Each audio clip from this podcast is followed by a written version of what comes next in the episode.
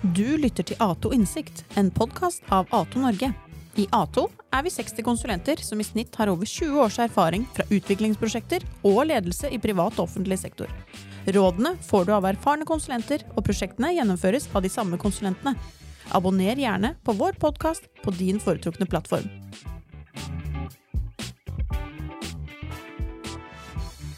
Velkommen til Lato Innsikt, podkasten som tar et dypdykk i aktuelle temaer innen digitalisering i både privat og offentlig sektor. Jeg heter Knut, og med meg i studio Killingen har jeg med Knut Leo.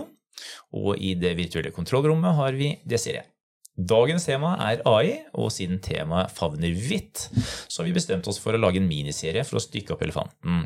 Det er, det er, jo veldig mye spennende å snakke om når man først setter i gang. Det har i hvert fall vi erfart i planleggingen av denne miniserien. Ikke sant, Knut? Ja, eh, og derfor så har vi stykket den opp i fire deler, eh, hvor dette da er første del. Eh, og de tre andre delene vil da henholdsvis handle om AI-markedet i Norge, og internasjonalt, og utfordringene ved regulering. Eh, hvordan AI vil påvirke arbeidsmarkedet og måten vi jobber på. Og den siste delen vil handle om hvordan virksomheter kan realisere verdien av AI, og, og egentlig komme i gang. Ja, og Med oss til å belyse disse spørsmålene har vi Lars Ingvar Hoff og Eirik Øyra, to gode kollegaer fra A2. De har begge lang erfaring innen digital eh, transformasjon og har mye spennende innsikt som de vil dele med oss i dag. Velkommen til studio, Lars og Eirik. Takk, takk. takk. Hyggelig. Eh, jeg må nesten begynne, jeg begynner med deg, Lars. Eh, kan du kort fortelle litt om deg selv, og hvorfor du er så opptatt av AI? Det kan jeg gjøre. Um, ja, kort om meg selv. Jeg har teknisk bakgrunn. Jeg har gått på NTH, eller NTNU som det heter nå, i, for en stund siden. Eh, der gikk jeg informatikk og elektronikk. Og etter det så har jeg egentlig jobbet som konsulent eh, innenfor teknologi og prosjektledelse i mange, mange år. Også jobbet på forretningssiden i eh, bl.a. Telenor og noen andre steder.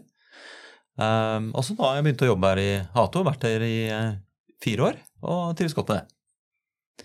Jo, og så skulle du Du hadde et spørsmål. Hvorfor, ja, hvorfor, hvorfor AI? Um, da jeg gikk på NTNU, så begynte jeg med et, eh, en, en, diplom i, eh, faktisk i, i, utenfor Paris, i, hos Philips.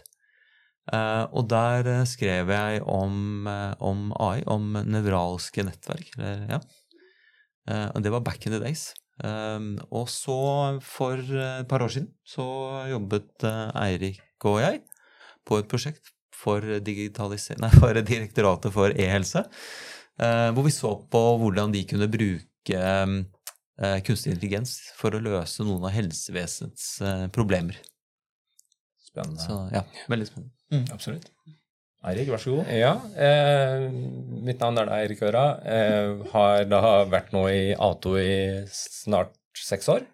Og eh, har egentlig jobbet med teknologi hele livet. Eh, bakgrunn med master fra England og Frankrike.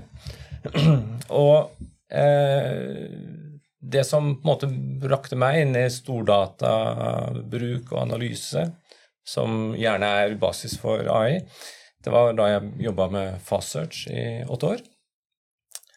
Og eh, det var på en måte der jeg møtte de første som begynte å snakke om dette med AI og den type teknologier. Eh, senere så har jeg da vært med å starte en startup i domenet som het Aya Science, hvor vi prøvde å selge AI veldig tidlig. Og hentet noen erfaringer fra det. Og så har jeg jobbet med Lars her i A2 ut mot e-helse, og også prøvd i finans- og banknæringen å gjøre bank, en bank mer datadrevet. Og ja, sett på hvordan det kan anvendes i det operative det daglige. I denne episoden da, så, så, skal vi få svar på uh, egentlig følgende, følgende spørsmål. Uh, skal vi tenke oss godt om før vi tar denne AI-teknologien i bruk, eller skal vi omfavne den helt ukritisk? Og er AI-en fundamentalt en, en, trussel eller en mulighet? Men jeg tenker før vi begynner å utforske de, eh, de spørsmålene litt bredere, så er det jo greit å bare få en klarhet i hva, hva er det AI egentlig er for noe. Mm. Eh, Det er et bredt tema å, å snakke om, men, men enkelt forklart kan man jo si at det handler om å prøve å gi maskiner eh, en evne til å uttrykke et intelligent svar på noe. Eh, Maskinell intelligens er kanskje et bedre navn enn kunstig intelligens. Eh, og det er noe som man starta med allerede på ca. 60-tallet. Eh, Da trodde man man skulle bygge kunstig intelligens med regler, såkalt symbolsk AI. Um, og så døde det litt hen, for det var ganske vanskelig. Eh, I de siste så har man da kommet tilbake med dette som vi nå kjenner som maskinlæring, hvor maskinene i større grad bygger opp eh, intelligensen sin ved hjelp av data og lager sine regler ut av det. Eh, og i de aller siste årene nå så ser vi jo det at eh, ikke minst bruker man eh, maskiner til å bygge forståelse av, av ting. Men disse maskinene kan også begynne å generere innhold på basis av det de har forstått. Det vi gjerne kaller generativ AI. Kan du si litt mer om hva slags innhold som kan genereres? Ja, alt fra være seg tekst, som vi mange i dag kjenner fra ChatGPT og den type ting, bilder, eh, til og med video, eh, fra Dali og en del andre prosjekter. Eh, og Det er vel lyd? Ja, er vel kanskje Lyd, så klart, men, men til og med, det brukes til og med innenfor industrien for å lage generative design på bildeler, eller hva det, hva det skal være, som er så lette som mulig, men som er sterke nok, for eksempel. Okay. Jeg, jeg har lyst til å legge til litt her. Jeg, Mm. Jeg, tenker at um, eh, AI, eller i hvert fall det som vi ser på som, som nevralske nettverk, eh, som jo brukes veldig mye i, i, i dag, som egentlig er hovedbestanddelen i, i mye AI, det, det er jo egentlig en, en måte å bruke et datasett til å generere en, en matematisk formel. Og den matematiske formelen da ligger inni den nevralnettmodellen som du har, og den formes da etter hvert som du pusher på alle de dataene du har. Så det er på en måte en eh, Altså AI er egentlig ikke noe annet enn en, eh, en matematisk modell eh, som Mm. du bygger opp basert på det datasettet du har, og den informasjonen som ligger i datasettet. Mm. Men hvor moden vil du si den teknologien er i dag? Er det en, en hype? Det er et godt spørsmål. Altså, det er jo en teknologi som jeg tror til og med, Det var ikke 60-tallet, det var 50-tallet? på Slutten av 50-tallet, sånn, hvor, de, ja. hvor de begynte med de første tankene rundt eh, AI. Og, og er- så sånn sett så kan du jo si at det er en moden teknologi. Men det vi har sett, da, det er at eh, man, man, gjorde no, man gjorde noen funn da, den gangen, om det var 50- eller 60-tallet, og, så, og så døde det litt hen. Og så gjorde man noen flere funn, og så dukket det opp igjen. Og så døde det litt hen, og sånn har det gjort flere ganger. Så da jeg skrev min diplom på slutten av 90-tallet om, om nevralske nettverk, så hadde det akkurat vært noen nye funn. Altså man hadde funnet noen nye formler og algoritmer som man kunne bruke, og så kom det opp igjen. Og så har det jo nå kommet opp igjen med, med ChatGPT. ikke sant? Du har plutselig fått et verktøy som er veldig, veldig anvendelig og et veldig godt brukergrensesnitt, som gjør at man, man, kan, man kan bruke det. Og da har det på en måte kommet en ny, kan vi kalle en hype. Men når du sier at den, eh, det har pågått lenge, Ja. er det da i universitetsmiljø, forskningsmiljø, eller er det, innen- er det i det, det kommersielle i det kommersielle domenet det har, den utviklingen har foregått? Ja, så jeg har i hvert fall hatt inntrykk av at eh, det har nok vært mye i universitetsmiljøer, og, og mindre eh, applisert. Men altså, da jeg skrev diplomet, så var jo det for Philips. Det, men det var riktignok forskningsdelen av Philips, og det var eh, De lurte på hvordan man kunne bruke dette bl.a. i gassensorer. Mm.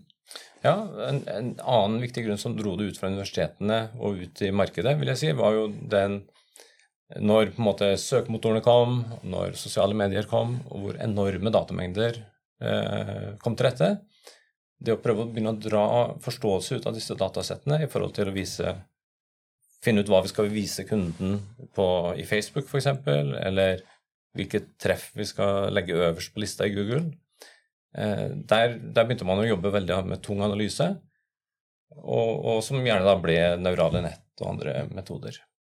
Okay, så det har egentlig vært en sånn, hva skal vi si, en utvikling som har pågått. Det er ikke en sånn eh, en radikal et radikalt gjennombrudd, det vi opplever nå, eller? eh, Nei, men det går litt sånn, som vi snakker, det går til berg-og-dal-bane Mm. rett hvert som man har gjennombrudd. Jeg tenker også at kanskje dette med intelligens er noe av det som tenner veldig mange. Eh, vi er alle opptatt av hva er det som, hva er det som skjer i hjernen når vi, når vi tenker og reflekterer. Så eh, vi mennesker har jo en sånn veldig optimisme. Nå har vi egentlig begynt å forstå det. ikke sant? Og så går man gjerne inn i en sånn AI-vinter hvor man sier nei, det var ikke helt tingen likevel. Og det kan være også den gangen her med ChatGPT at vi ser ja, det var fantastisk, men noen har kanskje litt for høye tanker, og så eh, kan det gå en darden igjen. Ja, for det, det jeg lurer på, er at eh, når vi nå har AI-modeller som har lært seg å løse et problem eller generere bilder eh, osv., hva er det de egentlig har forstått? På en måte, Hvor intelligente Mm. Er Ja, de? er, er de intelligente overhodet? Ja. Det, er- det er jo det man kan stille seg spørsmål hva er definisjonen av intelligens. Eh, det de i alle fall har forstått, eh, er jo da gjerne hva som er mønsteret bak de dataene som, som var. Og, og når du genererer på basis av det mønsteret, så kan du skape noe som, som er født ut av det mønsteret i bunn og grunn, men det kan jo egentlig ikke gå utenfor det som de har sett. da.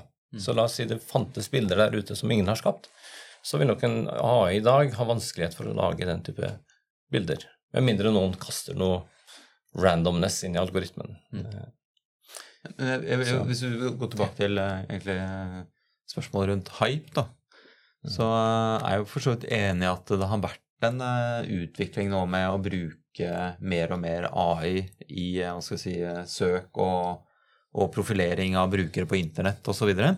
så der har man sett en gradvis forbedring. eh, Men jeg tror det er liten tvil om at ChatGPT er en utrolig boost.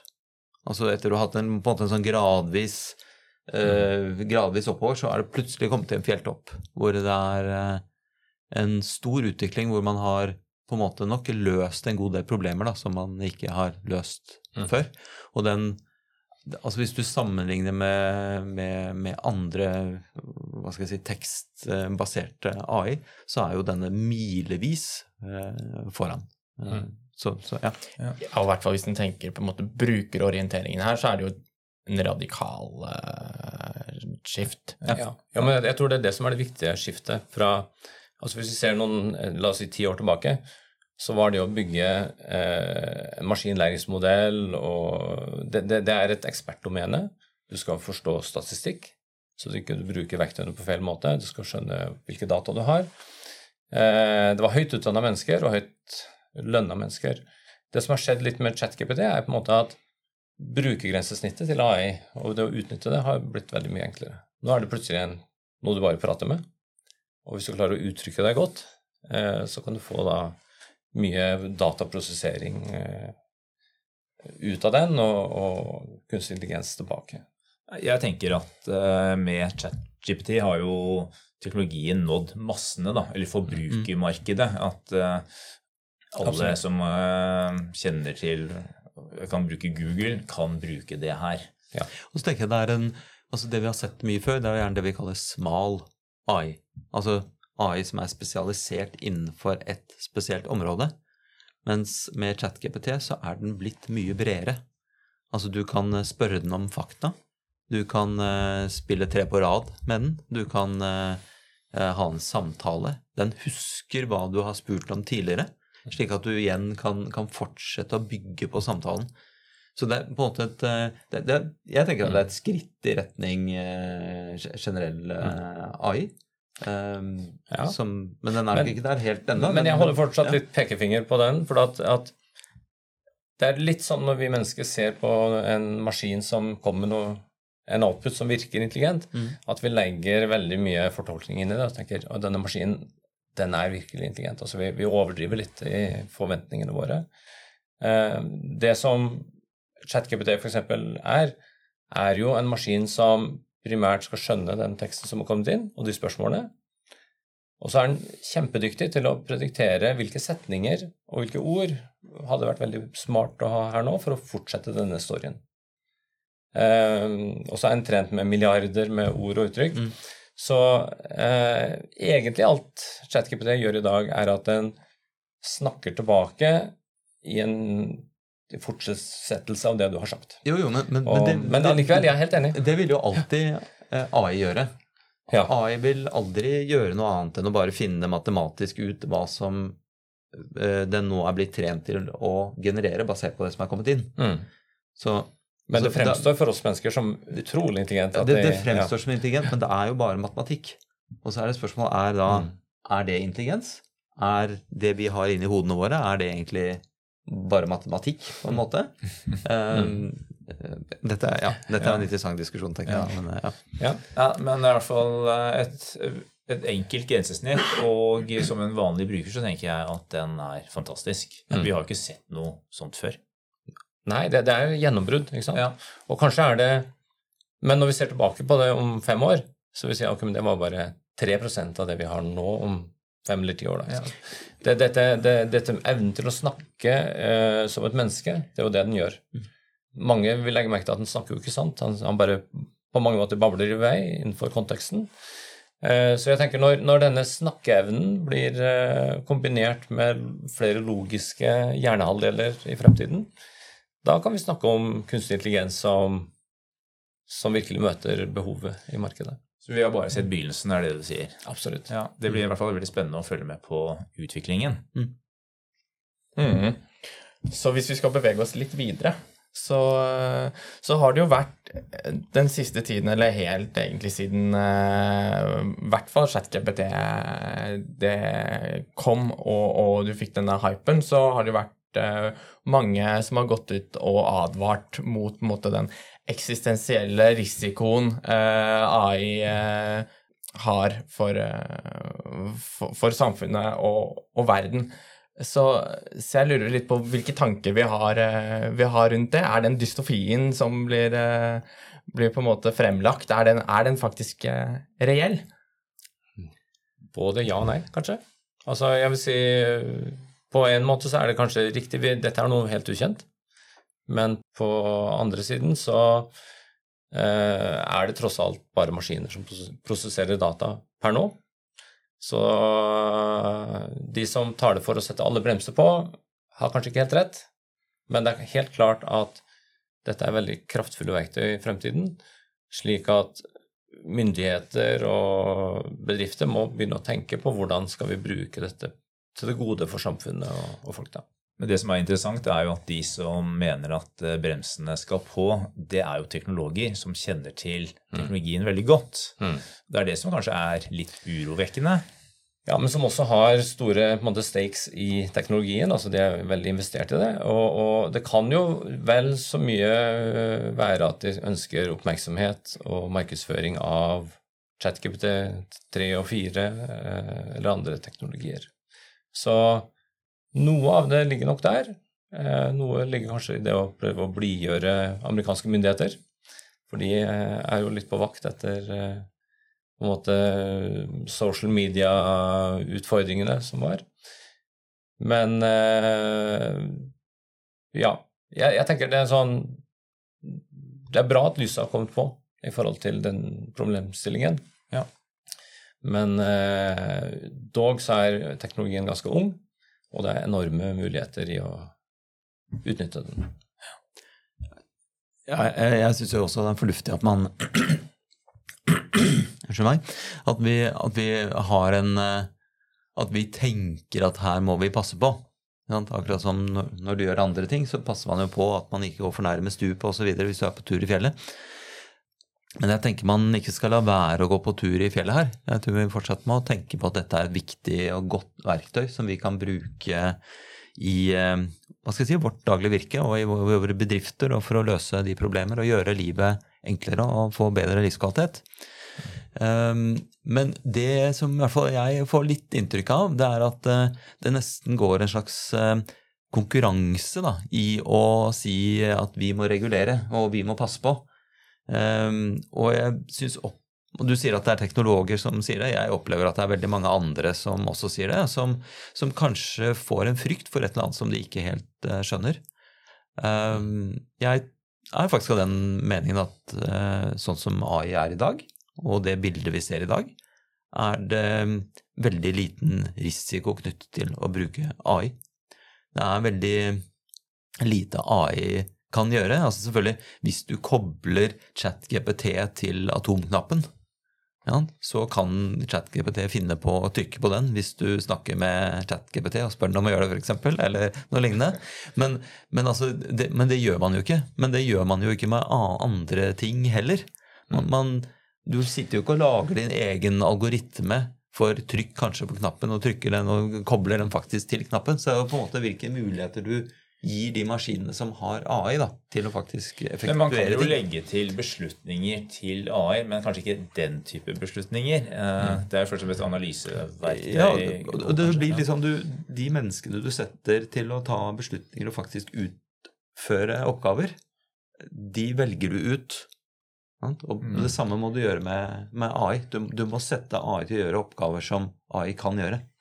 Ja, og så syns jeg jo det er litt spesielt at en snakker så veldig mye om på en måte den eh, ukjente risikoen som kanskje ligger der, der fremme, mm. og så har en eh, mindre fokus på de eh, kjente risikoene som en allerede vet at kommer ved, eh, med den AI-teknologien som er i dag. Altså nye måter å svindle folk på, phishing altså, ja. At en da ikke fokuserer nok på det som det mer nære og, og konkrete, det en vet at faktisk kommer. da. Mm. Ja, og vi, vi, har jo egentlig allerede problemer i dag pga. AI. Altså det folk kaller den her enorme opphengtheten i sosiale medier som noen eh, får. Det med at du aldri klarer, slutter å scrolle på sosiale medier, er jo fordi at disse plattformene har AI som forstår forbrukeren på en måte han ikke nesten skjønner selv, og, og vet eksakt hvordan du skal fòre på nye bilder og nytt innhold, slik at du holder brukeren på. Så kan si, Det er jo kunstig intelligens brukt på en måte som er bra for selskapet, men kanskje ikke bra for de unge mm. og, og alt andre. Så, så, der er det jo riktig at man, man fokuserer på det og, og diskuterer det. Uh, men da tenker jeg, da er det ikke A-en du skal eh, regulere, da er det tjenesten du må, må regulere. Ja, og bruken av den. Ja. ikke sant. Det er det. Men det som jeg tenker også er et uh, interessant område, da, hvis vi tenker på altså, hva AI kan brukes til, skal kanskje være uheldig, da, så vi må passe på, um, så er det jo dette med å manipulere altså Vi snakker om deepfakes ikke sant, og, og sånne ting. Altså, hvordan kommer det til å bli i fremtiden? Um, og, ja. ja. vi ser jo allerede nå at jeg har sett noen eksempler både på, eh, med video og bare med, med lyd, uh, hvor jeg mener de har kommet kjempe, kjempelangt. Altså, du, du, spytter inn et lydklipp, og så uh, kan AI-en ut fra det uh, generere en, en, nytt klipp hvor personen sier noe annet med en veldig troverdig stemme. Ja. Og det må ikke være nødvendigvis kjente personer, det kan være hvem som helst. ikke sant? Ja. Så ja, blant annet Soundstorm i Google er et, en sånn type eh, teknologi som jeg så en video om ganske nylig. Eh, vi er jo kjent med Siri og alle de her stemmene her, men nå begynner det virkelig å høres ut som mennesker, fordi de klarer å plukke opp aksenter, de klarer å legge inn pauser og, og liksom pustelyder inn i setningen, slik at det virkelig høres ut som en eh, person som snakker. Og det, det er nesten skremmende å, å lytte til. Mm.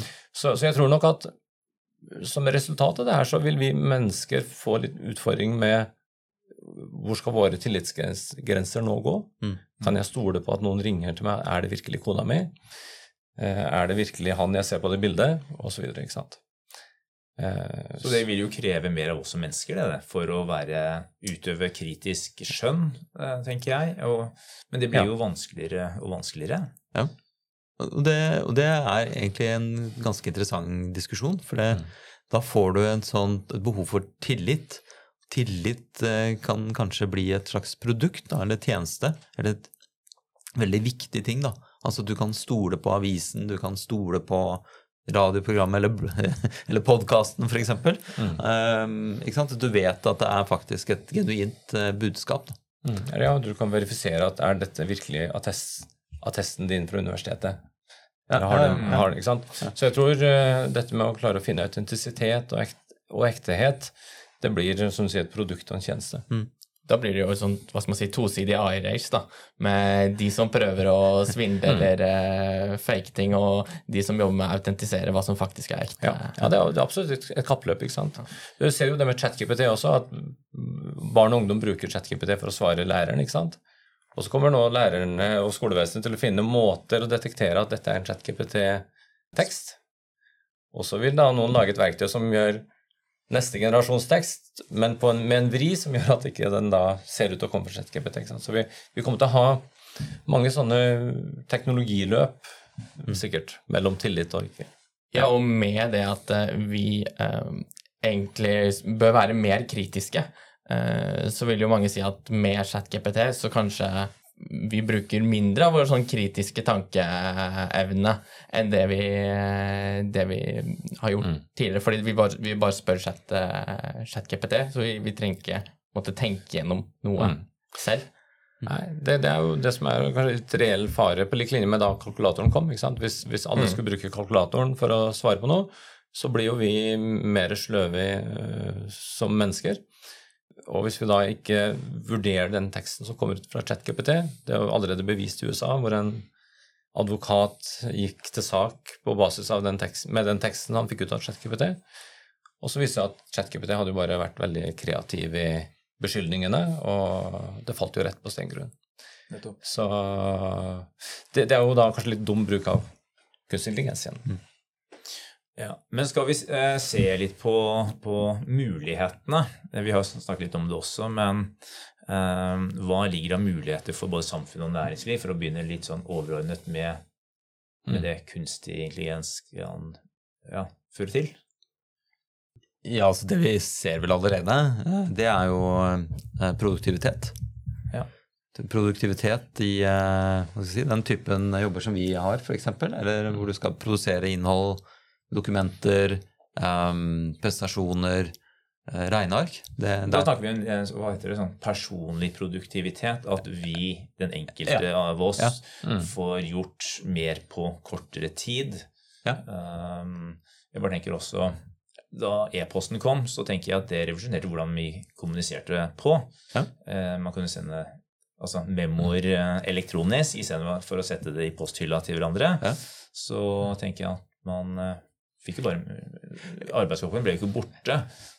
Men man jobbet bare mye mer effektivt. Du har produsert mer. Ja. Nei, jeg tenker Det er tre sånne revolusjoner. Ja. Ja, det er e-posten, mobiltelefonen og ChatGPT. Ja, ja, altså, den, den, hjelper oss i alle fall med å for eksempel, Vi kommer til å få disse assistentene i stor grad framover. Du, du slipper ikke å gjøre all jobben selv, men du vil få ferdige tekstforslag til hvordan skrive en prosjektplan mm. eller svare denne mailen. Eh, men til slutt så må jo du selv vurdere hva er det egentlig maskinen har skapt for meg her. Men, så det blir mer effektivt. Men eh, de smarte av oss går gjennom en gang og kvalitetssikrer, tenker jeg. Ja, jeg tror du må ikke gå glipp av eh, det du faktisk kan. Da.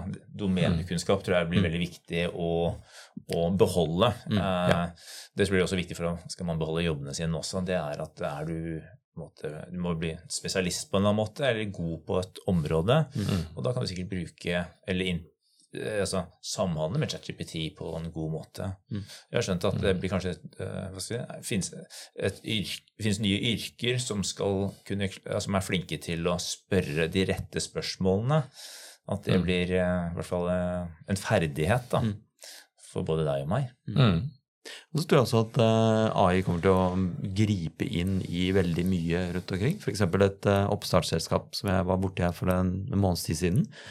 De skulle bruke generativ AI til å, til å gjøre layout på, på kretskort. Ja, da er det ganske spesifisert. Ja, hvordan setter du på de forskjellige komponentene på et kretskort som er inne i en telefon eller inne i en PC. Um, og så ser vi også mange andre sånne typer uh, løsninger, da, hvor, man, hvor, man, putter AI inn i helt sentrale funksjoner i produksjonen. Det, men det kan også være mm. innenfor medisin, hvor du bruker AI til å lage nye medisiner. Uh, komme opp med forslag til medisiner og hvordan de kan uh, sette sammen. Mm. Eh, eller så bruker man AI i eh, diagnose i, på forskjellige måter for å finne kreftformer f.eks. fra bilder, eller kanskje du eh, kan eh, gi en blodprøve som kan eh, testes, som kan hjelpe deg å finne ut altså, dype, vanskelige sammenhenger da, mellom stoffer i blodet som kan indikere hva slags eh, mm. diagnose du har, eller om du er syk eller ikke. Ja. Eh, så, så, både diagnose og, og, og, og, det å lage medisiner tenker jeg. Ja, og også dette med effektivisering. Det her med at du kan, flytte, du kan lage verktøy som gjør at uh, legen din, fastlegen din kan ta sjekker uh, ved å se på øyet ditt eller huden din, hva det skal være, slik at man får, tatt en vurdering. Trenger denne personen å dra til spesialist? Ikke sant? Så veldig mye uh, gjør det selv-type ting, enten som pasient eller som sammen med legen. Da. Det er jo viktig. ja, effektiviseringsbiter. Jeg tenker også innenfor kontormiljøer og, og den type ting. Altså saksbehandling. Eh, der kommer det til å gripe ganske om seg. Dette med å kunne være med å trekke ting ut av tekst og, og dokumenter. Være med å vurdere det, slik at hvis du får 1000 søknader, hvilke 50 søknader bør jeg virkelig se på? Eh, det er, det er, mange som har begynt å bruke det, og der vil vi se mer og mer av det. Ja, det samme ser du i medisin, hvor du kan mm. uh, få AI-løsninger til å gjøre en utvelgelse av de som måte, helt sikkert ikke trenger legehjelp, og de som virkelig trenger legehjelp med en gang, og de som, ja. som, som, trenger det kanskje den neste måneden. Og da kan du, måte, det kan hjelpe deg utrolig å og, og altså for, for, å kunne prioritere og, og utnytte ressursene dine bedre. Mm. Dette skal vi snakke om mer i, i del tre, da, men jeg, jeg, når jeg hører her når vi er inne på saksbehandling, vi er inne på uh, leger osv. Hvis dette blir uh, tatt i bruk av virksomhetene på en korrekt måte, så vil det jo bety betydelige endringer for både enkeltpersoner, måten en jobber på, men også for organisasjonene, da, måten en uh, en er organisert på og, og mm. slike typer ting. Det vil være betydelige, betydelige endringer. Mm. Ja, jeg, jeg, tenker at næringslivet på en måte vil, vil uh, kanskje bli liksom to camps på en måte i en periode, hvor noen anvender teknologien og, og fornyer seg og bruker den. Kan få en effektiviseringsboost og, og evner til å levere tjenester som de mer tradisjonelle ikke får til å levere. Um, så det er nok viktig for de fleste å begynne å få opp øynene for mm. mulighetene. Uh, også ikke-teknologene, og si hva er egentlig det her for oss? Jeg tror det er viktig at folk ser dette som en mulighet. Ja. Mm. At de ser dette på som en mulighet for at de skal kunne gjøre en bedre jobb fra dag til dag. Og kanskje også få en mer moro jobb, fordi at mange av de litt kjedelige oppgavene, de kan annen hjelpe dem med det. Mm. Så da tolker jeg det som at dere er eh, teknologioptimister. Dere ser lyst på fremtiden og, hva, og hvordan AI kan hjelpe oss i, i hverdagen. Ja, altså nå, nå, nå, har vi holdt på med teknologiutvikling i mange hundre år, og det har jo ikke gått så ille. Så hvorfor skal vi ikke fortsette å være optimister? Ja, helt enig. Hvis vi fortsetter litt på det sporet, da, eh, så, og ser enda litt lenger fremover mm. Hvor går egentlig dette AI-toget? Som jeg var inne på, altså jeg, jeg, tror vi er, vi er, bare i starten av noe. Eh, helt klart. Eh, det kommer til å bli eh, mye mer kompleks eh, AI-løsning på ene siden, men enda mer brukervennlig for oss personer og, og, og firmaer å ta det i bruk. Eh, det, det tror jeg er ingen vei rundt det vil fortsatt være veldig sterk konkurranse i markedet mellom de store aktørene for å prøve å selge oss disse, og virksomhetene disse produktene. De har vært litt for vanskelig å ta inn og bruke til nå, men kanskje i fremtiden vil, vil, vi se noe der. Og så er det vel noen som da tror vi har nådd generell AI allerede, og det vil jeg definitivt si nei til. Altså, øh, vet ikke hva du tenker, Lars? Nei, Jeg er helt enig. Jeg tror heller ikke vi har nådd det, men jeg tror vi på en måte har begynt å bevege oss i den retningen. Mm. med ChatGPT. Da tror jeg du nesten må forklare både meg og lytterne hva ja. generell AI er. Ja, eh, en måte å definere det på er jo kanskje eh, Veldig ofte når du bygger en maskinlæringsmodell, hva det er, så, så kan du løse én oppgave. Eh, Men hvis vi ser på hvordan vi mennesker er skapt med, med vår hjerne, så kan vi jo løse alskens oppgaver. Et barn kan jo lære seg å krabbe og leke og, og gjøre mye rart. Eh, Så forskningen har jo hele tiden jobbet med hvordan kan vi bygge intelligens som er nærmere hvordan hjernen sånn sett fungerer. Um, og der kan det jo virke litt sånn ChatGPT kan jo snakke om alle temaer. Eh, men igjen, da. Hvor intelligent er den samtalen egentlig per i dag? Er, det er starten på noe, helt klart. Men eh, jeg tror ikke jeg hadde latt ChatGPT styre hjemmet mitt. Eh, jeg stoler ikke på at intelligensen er så høy ennå. Men når, eh, når tror dere vi er der, da? Når kan vi nå generell eh, AI? Hvis vi når det noen gang, Ja. så tror jeg nok faktisk det er noen år frem i tiden. Og det bakgrunnen for at jeg tror det, er at det ChatGPT egentlig har gjort, er å utnytte alle de dataene vi har liggende på internett. Eller veldig mye av de Ja, dataene. en del bøker. Um, For å oppnå generell intelligens så er det mange andre ting du må igjennom. Og de dataene er ikke så lett tilgjengelig. Det er ikke bare sånn at du kan pumpe inn informasjon, og så får du generell intelligens. Du må sannsynligvis være ute i verden, forstå hvordan verden virker. Og det kan du bare gjøre ved å være ute i verden. Ehm, så jeg tror på en måte datatilfanget for å skape kunstig, eh, generell kunstig intelligens ikke er, eh, ikke er så lett tilgjengelig. Så derfor tror jeg det kommer til å ta lang tid. Man, hvis ikke man finner andre måter man kan gjøre det på. Da. Ja, altså, men så tenker jeg også at algoritmene er langt ifra der, og og arkitekturene for intelligens er langt ifra der de må være. Vår hjerne er nok mange ganger mer kompleks enn en ChatGPT eller de teknologiene der. Så, så jeg har troen på at man vil nærme seg noe mer generell AI innen kanskje ti år, type ting, fordi man setter sammen mer. Men eh, ja, da får vi se hva det blir når det kommer, tenker jeg. Men det kan jo hende at eh, utviklingen går raskere, for da har du jo fått deg en boost. Da, det veldig, da går pengene går inn der. Investorer går jo nå inn i AI i veldig stor grad. Det er jo et av de områdene hvor eh, oppstartsselskaper faktisk ikke har problemer med å få tak i penger for tiden. Det er innen AI. Eh, og det er klart at det, da, da skjer det noe. Når pengene kommer inn, så kommer hjernen også, og da blir det gjort ting. Eh, Så kan du også si at når man bruker AI til å forske på å lage neste generasjon AI, til når, når kunstig intelligens kan begynne å programmere og bygge løsninger, og bygge neste generasjon av seg selv, da er vi kanskje inne på noe som kan akselerere og bygge mer og mer avanserte løsninger. Da. Og det betyr jo at det, det kommer til å gå fortere og fortere og fortere. Utviklingen akselererer eh, ja, fortere og fortere. Ja, men da tror jeg vi penser så smått over på temaet vi skal snakke om i neste podkast. så jeg tenker at vi kan kanskje runde av nå. Og eh, takke dere for å belyse den store AI-gåten eh, for oss. Og eh, så møtes vi i studio neste gang. Mm. Takk, takk til dere. Takk. Takk for at vi fikk komme.